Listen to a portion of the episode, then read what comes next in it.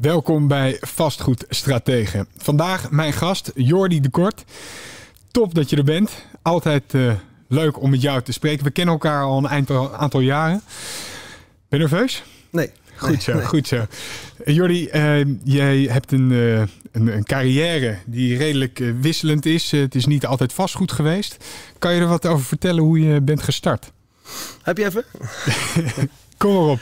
Ik was eigenlijk, toen ik van school kwam, heb ik een cursus gedaan voor snowboardleraar. Ja. Maar dan heb je natuurlijk in de winter heel veel werk.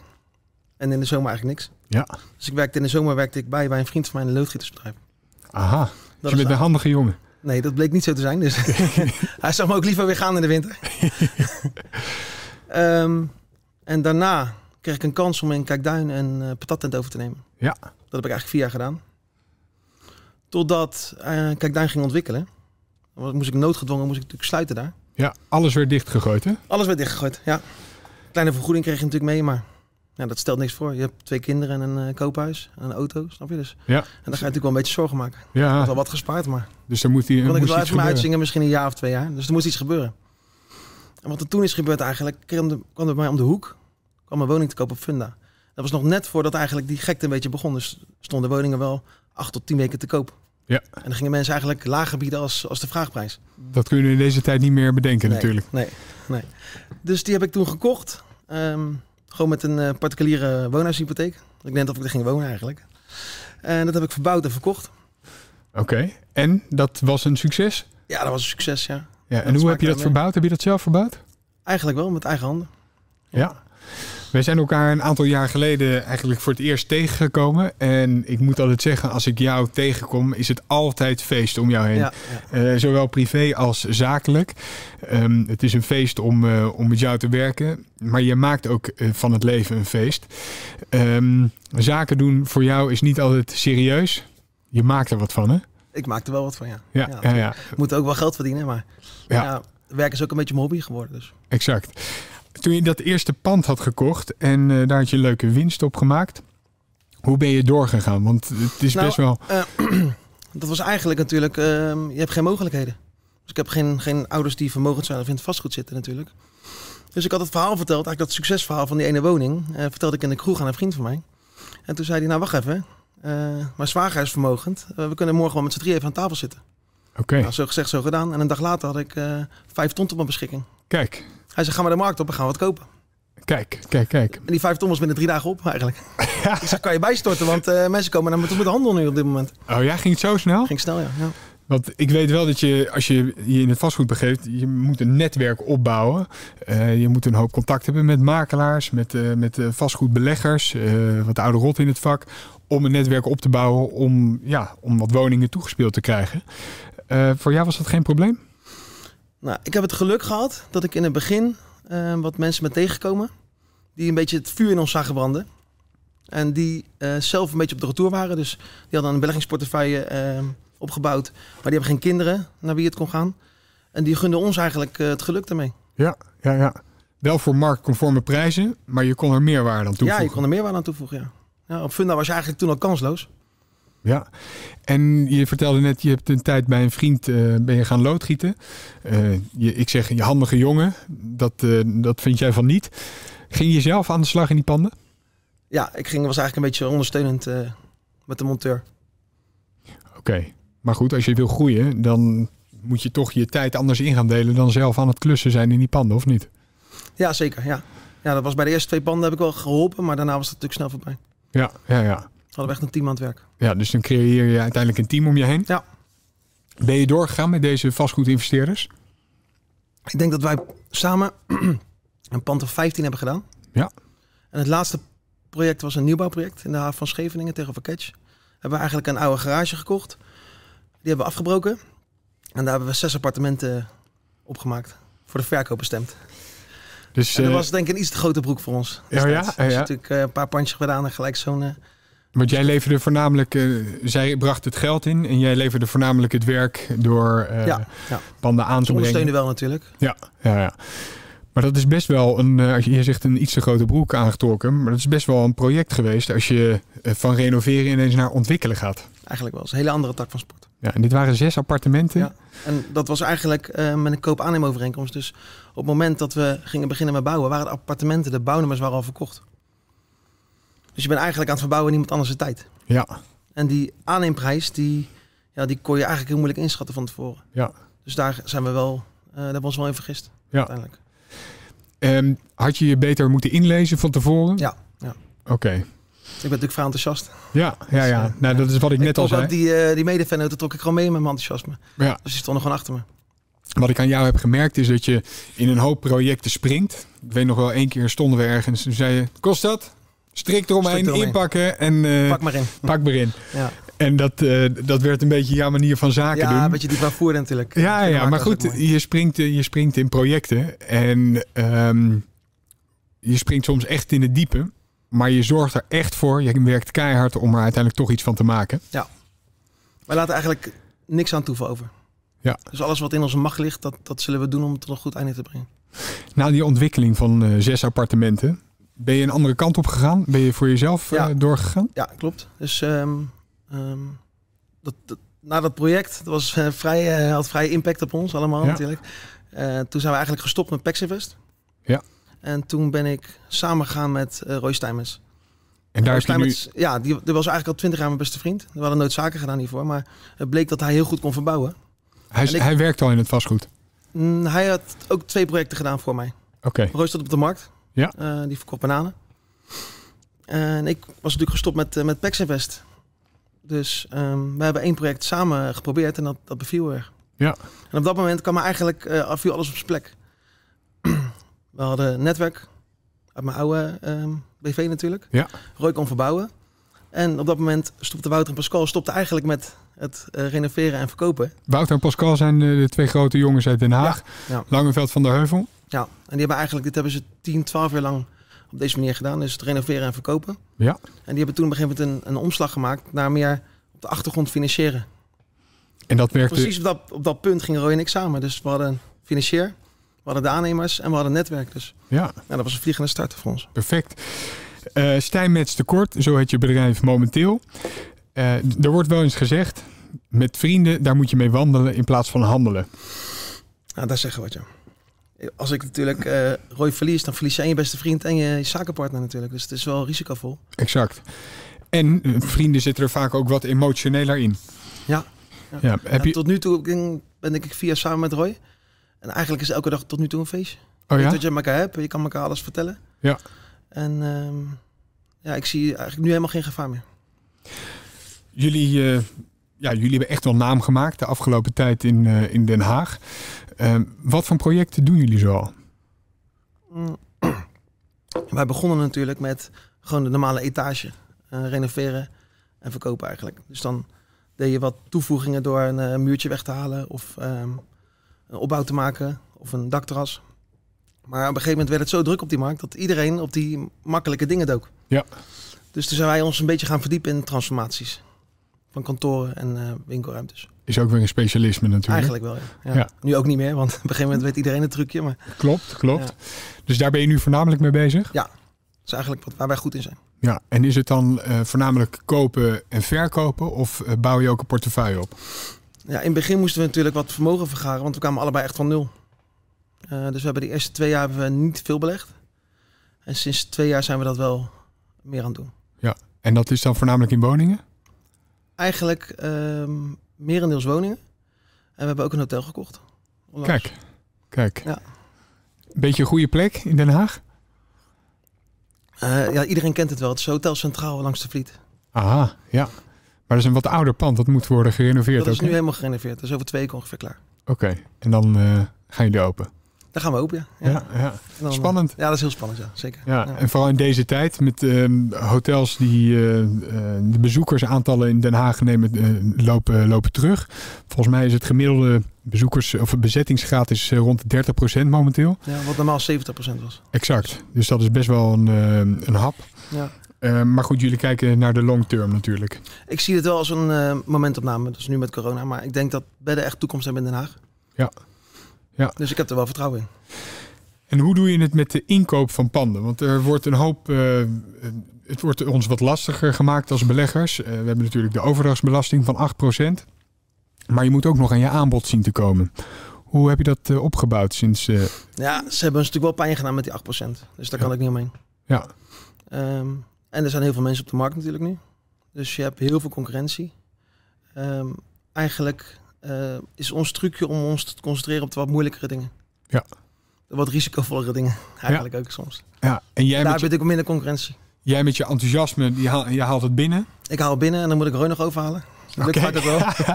Dan heb je de koop Dus al Ja, en hij moet het verbouwen natuurlijk. Ja, ja, ja. Dus daar heb ik in principe minder verstand van als hij. Dus Want jullie samenwerking ziet er zo uit. Jij zorgt dat, eh, dat het aanbod binnenkomt. En Roy zorgt dat het eh, verbouwd wordt en eh, dat het daar gestructureerd in wordt. ja, dat sowieso. En Roy doet ook de financiële administratie. Oké, oké. Is heel strategisch met eh, geld uitgeven. Oké, is dat Ja. bij, bij jou minder? Dat is bij mij minder, ja. Oké, nou ja, dan vul je elkaar goed aan, toch? Ja, zeker weten. Ja. Ja. Wat voor een ehm, project zou je absoluut nog willen doen? Ik zou graag ehm, nog een hotel erbij willen hebben in Den Haag. Ja? Ja. Dus je ziet echt wel toekomst in die, in ja, die dat het ook een, bij, een beetje verspreid, je portefeuille. Dus wat wij sowieso niet doen is winkels. Dat vinden we eh, risicovol. En ook omdat het steeds meer via internet gaat. Ja. Ik denk dat het een beetje uitstervend is. Ja. Als je nu ook in de stad loopt, zie je al leegstand eigenlijk. Terwijl dat eh, vroeger een van de beste straten was. Zou dat niet ook weer een tak van sport zijn om te kijken hoe je daar invulling aan zou kunnen geven? Ja, alleen het bestemmingsplan laat dat niet toe, eh, wonen. Ja, Anders, als je dat natuurlijk gaat doen, dan, dan is het helemaal uitstervend. ja klopt. Maar stel nou dat je iets anders zou verzinnen dan wonen daarin. Het is toch zonde dat die straten zo leeg eruit Ja, eh, komen te zien? Ja. Ja, en wat Ja. zou je dan eh Ja, suggereren? Ik denk dat dat het, eh, het gouden ei is als je daarop komt. Ik zie het ook in Amsterdam, de Utrechtse straat. Echt een ontzettend leuke winkelstraat. Waar gewoon eh, 10 tot 12 winkels leeg staan. En in zo'n kleine straat, winkelstraat eigenlijk, is dat, valt dat enorm op. Ja. Waar vroeger ja, mensen met heel veel plezier naartoe gingen, merk je dat dat gewoon... ehm tuurlijk gaan mensen er nog steeds naartoe. Alleen ja, als die winkels eh, dicht gaan... Het, Ja, en dat is een niet... kettingreactie voor, voor Ja. die andere ondernemers ook natuurlijk. Exact. Hm. Ja, ik denk dat de gemeente daar ook eh, in eh, bij moet staan. Zouden we daar niet iets voor kunnen bedenken? Ja. Zou toch mooi zijn? Dat zou mooi zijn, ja. Ja. ja. Ja. Maar goed, eerst die hotels. Ja, ook weer een bepaalde tak van sport natuurlijk. Ga je dat zelf runnen? Wij zetten er iemand op. Oké, en die Eh, doet de exploitatie. Ja, die doet de exploitatie. Ja. ja Omi Housing is dat. Oké, en eh, dat is van die bekende Haagse jongen Ali Ja. Abach, toch? Ah, ja, Ali Abbach, ja. Ja, ja, ja. mooie vent. Ja. Ehm, op welk segment richt, richt je je in eh, met het hotel? Ehm, ja, het is een beetje zelf check-in is het. Dus we hebben geen personeel. Mensen kunnen met een, met een code kunnen ze eigenlijk toegang krijgen tot de voordeur. Ja. En dan met een andere code weer toegang tot de kamer. Dus wij richten ons een beetje op eh, de jong professionals. Mensen die hier door de week werken eh, of studeren. Ja, ja, ja. Het coronavrij hotel eigenlijk. Ja, eigenlijk dus je wel. komt geen, eh, geen medewerkers van het hotel. tegen, nee. Oké, Misschien de schoonmaker of de, Ja. of de klusjesman. maar daar blijft het dan bij. Ja. Ehm, hoe jij bent begonnen in het vastgoed, eh, voornamelijk met je enthousiasme. Ik zie je altijd als een echte koopman. Jij, eh, jij komt ergens, je weet wat je wil, of misschien niet eens, maar je zorgt dat het toch naar je toe komt. Ehm, er zijn een hoop mensen die toch eh, hun toetreden willen maken in het vastgoed. Er worden een hoop cursussen momenteel gegeven ook. Online Eh, cursus. ja. Online Ja, cursus. ja. Heb je wel zo'n cursus gevolgd? Nee, nee, nee. Ik kan niet aanzien wat die gasten doen. Nee? Wat dan? Wat dan? Ja, nee, tuurlijk. Dat lijkt heel makkelijk natuurlijk als je die gasten wordt. Ja, je eigenlijk zonder eigen vermogen zou je gelijk eh, kunnen instromen in het vastgoed. ja, ja, ja. Wij zien hoe moeilijk het eigenlijk is. En hoe veelzijdig je moet zijn om, om dit te kunnen. Ja, precies. Wat zou je dan deze jongens die heel graag hun toetreden willen doen in het vastgoed eh, aanraden? Ja, ik denk eigenlijk dat het nu onmogelijk is om echt te beginnen. Dus als je echt helemaal start zonder eh, kennis van ouders die, eh, die aan het vastgoed zaten. Als je nu cold turkey instroomt, dan moet je ten eerste natuurlijk een bouwploeg aan je binden. Ja. Ehm, die bouwploeg, iedereen heeft het heel druk natuurlijk nu. Dus als je een bouwploeg hebt, zijn ze of heel duur of niet goed. En je moet natuurlijk zoveel aanbod hebben dat je eigenlijk die ploeg aan het werk kan houden van, eh, van de een naar de andere klus. Ja, en dat, dat, dat acht ik onmogelijk eigenlijk. want dat is toch wel een beetje de manier waar je waar je, je geld mee kan verdienen. Hè? Als je een bouwploeg echt aan je kan binden. Ja. Eh, dat je altijd zorgt dat, je, dat, ze, dat er werk voor ze is. Ja, want als je dat natuurlijk niet doet, ja, dan gaan ze verder kijken. Ja. En dan, dan vinden ze werk waar ze misschien eh, meer geld krijgen. Dus je moet eigenlijk zorgen dat ze alleen voor jou werken. Maar het is ook niet altijd makkelijk, want het is vaak ehm, met aannemers toch een bepaald. ehm, met de ene werk je heel goed, met de andere wat minder goed. Heb je bij jullie veel doorloop van aannemers? Nou, eigenlijk is het wel mooi om te vertellen eh, dat we vanaf dag 1 toen we begonnen nog steeds op de dag van vandaag met dezelfde jongens werken. En dat is met Dat Stijn tekort, toch? Met Stijn met tekort, ja. ja. Ja, ja, dat zegt zeker wat. Dat zegt zeker wat, ja. Ja. Dus je moet het zo zien. Wij zien het een beetje als een orkest. Dus we hebben eigenlijk op elke positie proberen wij de allerbeste mensen neer te zetten. En dat is de taak van Roy natuurlijk om dat orkest heel goed te laten samenspelen. Ja, ja, ja. En dat lukt vooralsnog. Dat, dat lukt volgens nog. Ja. Ja. We zijn ook heel zuinig op de jongens. Met hoeveel projecten ben je momenteel bezig? Ik denk eh, rond de 15. Rond de 15. Ja. Ja. dat, Dat, is wel pittig natuurlijk nu. dat, dat Maar ja, er is ook best veel in deze tijd natuurlijk waar andere mensen verlegen zitten om aanbod. Ja, regel je toch weer om, eh, om door te kunnen. Ja, eigenlijk wel. Schat je de kansen op eh, doorgroeien eh, klein in, omdat we nu met een opkoopbescherming eh, zitten? Althans, nu nog niet, maar die komt eraan. Die komt eraan. Ik maak me er zelf geen zorgen over, want wij hebben eigenlijk ehm, nog nooit een etage gekocht, bijvoorbeeld in Laakkwartier, voor 180.000 euro voor 2 ton en, en die verhuurd. Daar vind ik het rendement te laag voor. Ja. Dus wat wij eigenlijk altijd deden is toch dingen ontwikkelen. Ja. En zo die waarde toe te voegen.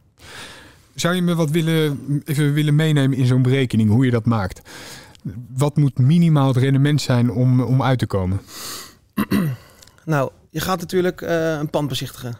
En dan, eh, dan is dat vaak is dat een winkel, hè, bijvoorbeeld. Dan gaan wij, gaan wij kijken hoeveel appartementen wij denken daarin te kunnen maken.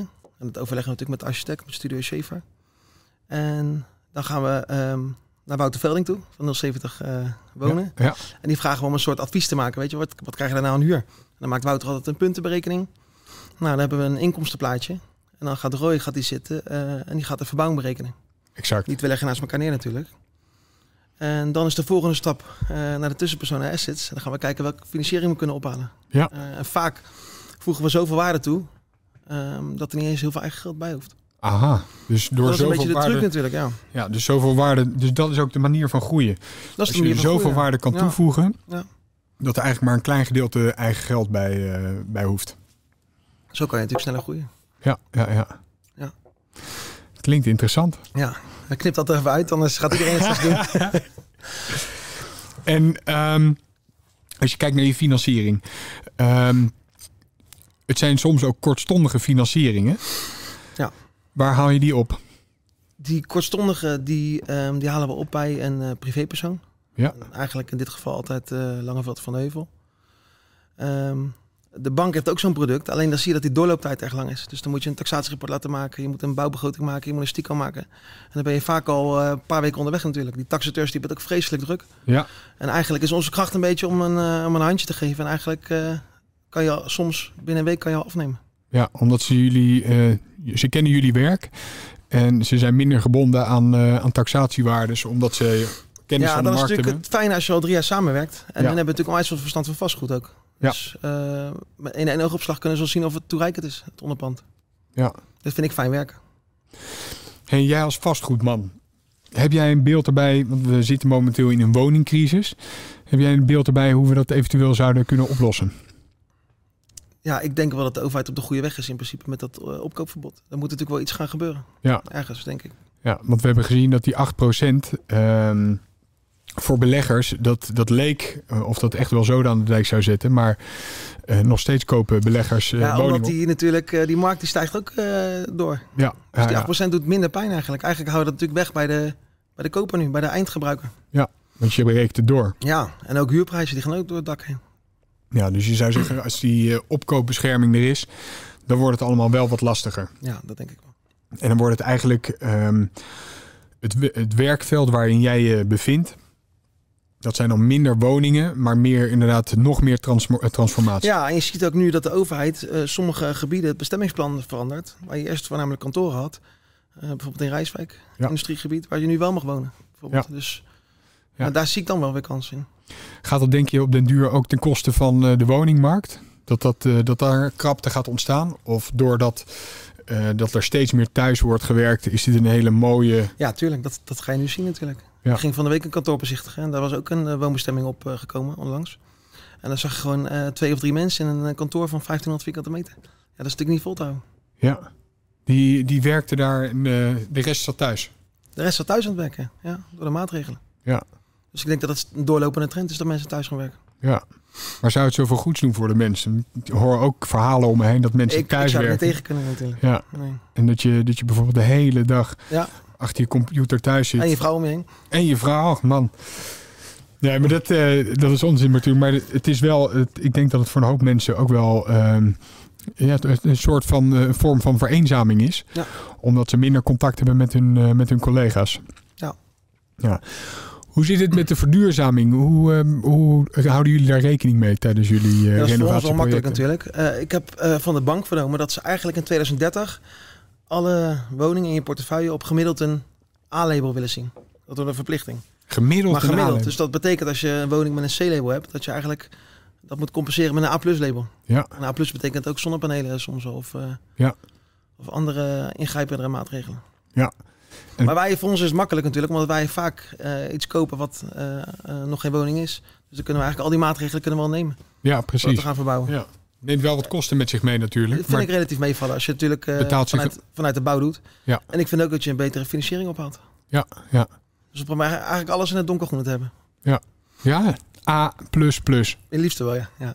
Wat verdikken me. Dat is een hele mooie groene portefeuille. ik wil eigenlijk een groen blouseje aan doen ik vandaag. En de toekomst van het vastgoed. Een hoop mensen die, eh, die stappen nu in. Eén pand kopen ze, misschien twee. En eh, sommigen geadviseerd door zo'n eh, workshop. Ehm, als je dan echt wil groeien, dan moet je zorgen dat je extern geld gaat binnenhalen. Ja. En dat is bij jou gelukt door met banken te gaan praten, eh, privé-financierders eh, aan je te koppelen. Maar ehm, er zit toch nog een soort van. hoe kan ik dat het beste omschrijven? Er zit toch nog een, soort van gat. Dat of je gaat heel snel naar een privé-investeerder, waardoor waar de rente wat hoger is vaak. Of je gaat naar een bank, dus het traject wat langer. Maar dan is de rente, dus wel, eh, is de rente wel wat lager. Hoe je dat afweegt bedoel je? Ja, Ehm, ja, dat is lastig. Ik vind altijd eh, de rente die je betaalt, vind ik het, eh, het, het minst belangrijke eigenlijk. Het is natuurlijk wel geld. Alleen ik vind die snelheid en betrouwbaarheid vind ik veel belangrijker. Ja. Ja. Dus banken blijken ook wel eens onbetrouwbaar te zijn. Die, eh, ja, die hebben ook met richtlijnen te maken. En Ja. met zo'n privé-investeerder heb je gewoon een, een nauwe band. dat bouw je op. En dat bouw eh, je op, ja. daar kan je ook op eh, voortborduren. Zelfs met, in de coronaperiode eh, hebben de banken ook in principe gelijk de regels aangescherpt. Hebben jullie zelf last gehad van de Ja, coronaperiode? dat was wel mooi dat je het vraagt eigenlijk. Want in die periode dat het eigenlijk insloeg en dat het op het nieuws was, ehm, hadden wij acht panden die op schilderen na klaar waren voor funda. Dus dat was natuurlijk heel spannend. Ja, Dus ehm, wij raakten in paniek, maar ook onze financierders raakten ook in paniek. Ja, we wisten niet wat het ging brengen. Dat zou natuurlijk ineens een, een klap kunnen krijgen. hoe gingen die financierders daarmee om? Die raakten in paniek. Wilden Ja, ze dat was- gelijk... eh, Ja, we zijn gelijk aan tafel gegaan en we hebben een plan gemaakt. Wat eh, Roy en ik toen hebben gedaan, hebben we eigenlijk een, eh, een ploeg met schilders hebben we eigenlijk van de straat getrokken. Dus we hebben iedereen gebeld van luister, neem vrij bij je baas. Kom bij ons werken, je krijgt gewoon je uren doorbetaald. Plus aan het eind van de klus 1000 euro extra. Toen hadden we op een gegeven moment een, eh, een schilderteam van, van 20 schilders. Dat hebben we eigenlijk binnen een week eh, hebben we alles afgemaakt, in laten richten en op funda gezet. Hebben hem heel scherp ingestoken. En toen merkte je ook nog eh, ehm, dat mensen onder die inkoopprijs gingen, of ehm, gingen prijs gingen zitten. Oh ja? Eigenlijk. Dus dat hebben wel geld gekost voor ons. Maar ja, als het natuurlijk anders had afgelopen, dan had het nog meer geld kunnen kosten. Ja, ja, ja. Heb je daar ook echt verlies op gemaakt? Op, Geen, die- geen verlies. Nee, geen verlies. Oké. Want dat had een hele dikke winst moeten zijn. Ja. Dat was het niet. En met je huurwoningen, heb je daar nog last gehad van, eh, van corona? Ja, ik heb eigenlijk eh, in die maanden dat, dat ik toch wel de helft eh, aan huur miste. Dat werd wel in de loop van de maand eh, ingelost, maar dat zag je wel direct eh, Ja. op je Ja. bankrekening. En dan, ehm, ehm, ja, dat, dat, dat merk je dat er wat minder huurinkomsten zijn, of mensen betalen wat later. Mensen betalen later. Ja, ga je dan ook met die mensen om tafel ja, te kijken gelijk, tot tuurlijk. een... eh, Ja, zeker. Ja. Maar ook het, vanuit die mensen, die kwamen ook eigenlijk gelijk met ons in gesprek. Ja, dan hebben we gewoon een oplossing, oplossing gezocht. ja. En wat zijn dan zulke oplossingen? Ehm, ja, we hebben bij één iemand hebben we gewoon eh, elke maand in laten lopen. Bij de andere hebben we een stukje kwijtgescholden. Ja. Want die mensen hebben gewoon de baan kwijtgeraakt toen. Dus dan, eh, Ja. Jordi, je bent eh, nu een aantal jaar bezig in het vastgoed. Ehm, als we kijken naar een aantal eh, Haagse vastgoedjongens. eh, we noemden, je noemde er net al een paar waar je ook financiert. Ehm, die hebben toch wel echt een ontzettend grote portefeuille. Wat is jouw doel binnen het vastgoed? Ehm, ja, dus in het begin heb ik eigenlijk... wij zijn natuurlijk vrij laat begonnen eigenlijk, vier jaar geleden met beleggen. Ja. Dus ik wou een beetje een inhaalslag maken. Dus zijn we eigenlijk voordeuren gaan verzamelen. En dan keken we niet zozeer naar eh, wat achter die deur zat. Ehm, ik zou mijn portefeuille wel Bezi- willen... bezichtigde, een bezichtigde je Nee, ik ging niet naar binnen. Nee, Nee? nee, wel natuurlijk Oké. wel. ja. Dan had ik wat, wat dingen in kamervuur gekocht. En, ehm, wat van die opgeknipte woningen. Ja. Ehm, nu zou ik wel willen uitbreiden, maar dan toch voornamelijk gewoon eh, hele woningen en op goede locaties. Dus nabij het centrum. Ja. En dan allemaal in de punt. Dus daar, moet je, daar wil je dan wel aan voldoen. En Ja. het liefst dan wat oudere woningen die je zelf opknapt. Dat je weet wat, er, wat erin is gegaan. Ehm, ja, het liefst eh, eh, transformaties natuurlijk. Ja. Dat zou het mooiste zijn. En dan voornamelijk voor het houden. Ja. Wat is je doel? Je bent nu, hoe oud ben je nu? Ik ben 38. 38. Je bent straks eh 50 jaar. Hoeveel panden moet er op je naam staan? Mm, ja, ik stel mijn doel elk jaar bij, hè? Dus. Ehm, ja, vind ik moeilijk om te zeggen, maar ja, dat is lastig. Oké. 80? 90? Nee, nee, nee. Veel meer. Dubbele. Ja, Mooi, mooi. ja zou ik tevreden zijn. Ehm, gedurende die verbouwingen willen er ook nog wel eens wat misgaan. Heb je daar nog een mooie anekdote over? Eh, ja, ik heb er wel eentje. Eh, ik had met PEX had ik was een van mijn van de eerste panden die ik ging verbouwen. Die kocht ik van Martijn Lensen. En dat was een woning met een kelder. Die kocht ik in de zomer, en toen was die keuken droog natuurlijk. Ja. En die gingen we opknappen en toen werd het op een gegeven moment winter. En toen kwam er een, eh, een laag water in te staan. Ehm, dus eh, we hadden maatregelen getroffen. Dus we hadden hem geïmpregneerd en eh, mm, een pomp erin gezet, pomp erin geslagen. Ja. Dus, en ik verkoop dat pand aan Argentijnse mensen. Maar die zeiden, ja, we willen pas over vier maanden willen we overdragen. Want we gaan eerst naar Argentinië en dan komen we terug. Maar ik was natuurlijk al lang blij dat ik dat pand had verkocht. Dus ehm, drie dagen voor de overdracht dacht ik van, nou, ik ga eventjes de vlieg uit het raam halen en even schoonmaken voordat, eh, voordat die mensen natuurlijk komen. Maar ik had beneden in die kelder, om het te decoreren, had ik een soort wijnkeldertje gemaakt met een rekje en dat soort dingen. Dus ik kwam dat pand binnen en ik denk, ga bij de kelder kijken, zag ik zo de flessen wijn voorbij drijven. Oh, wat erg. Maar wat ik niet wist, dat de makelaar eigenlijk met die mensen op de stoep stond om de gordijnen in te meten. Oh, Dus ik stond tot hier in het water en toen stonden die mensen achter me. Ja, dat was eh, toen heb je het verkocht als eh, woning met zwembad. ja, met een sauna en een voetenbadje. ja, Oh, en ja hoe het is uiteindelijk goed gekomen. Ja? Heb je droog kunnen krijgen? Ja, ja uiteindelijk wel. ja. Met een eh, bedrijf. Mooi man. Ehm, ik eh, wil hiermee afsluiten, maar ik wil je wel, voordat we afsluiten, heel veel succes wensen de komende jaren. Dankjewel. En eh, ik hoop dat je altijd zo enthousiast blijft, want Ja. dat is erg Als aanstekelijk. de markt blijft stijgen, dan, dan blijf ik lachen. Leuk man. Ja. Dank Bedankt je. dat ik erbij mocht zijn. Ja, tuurlijk.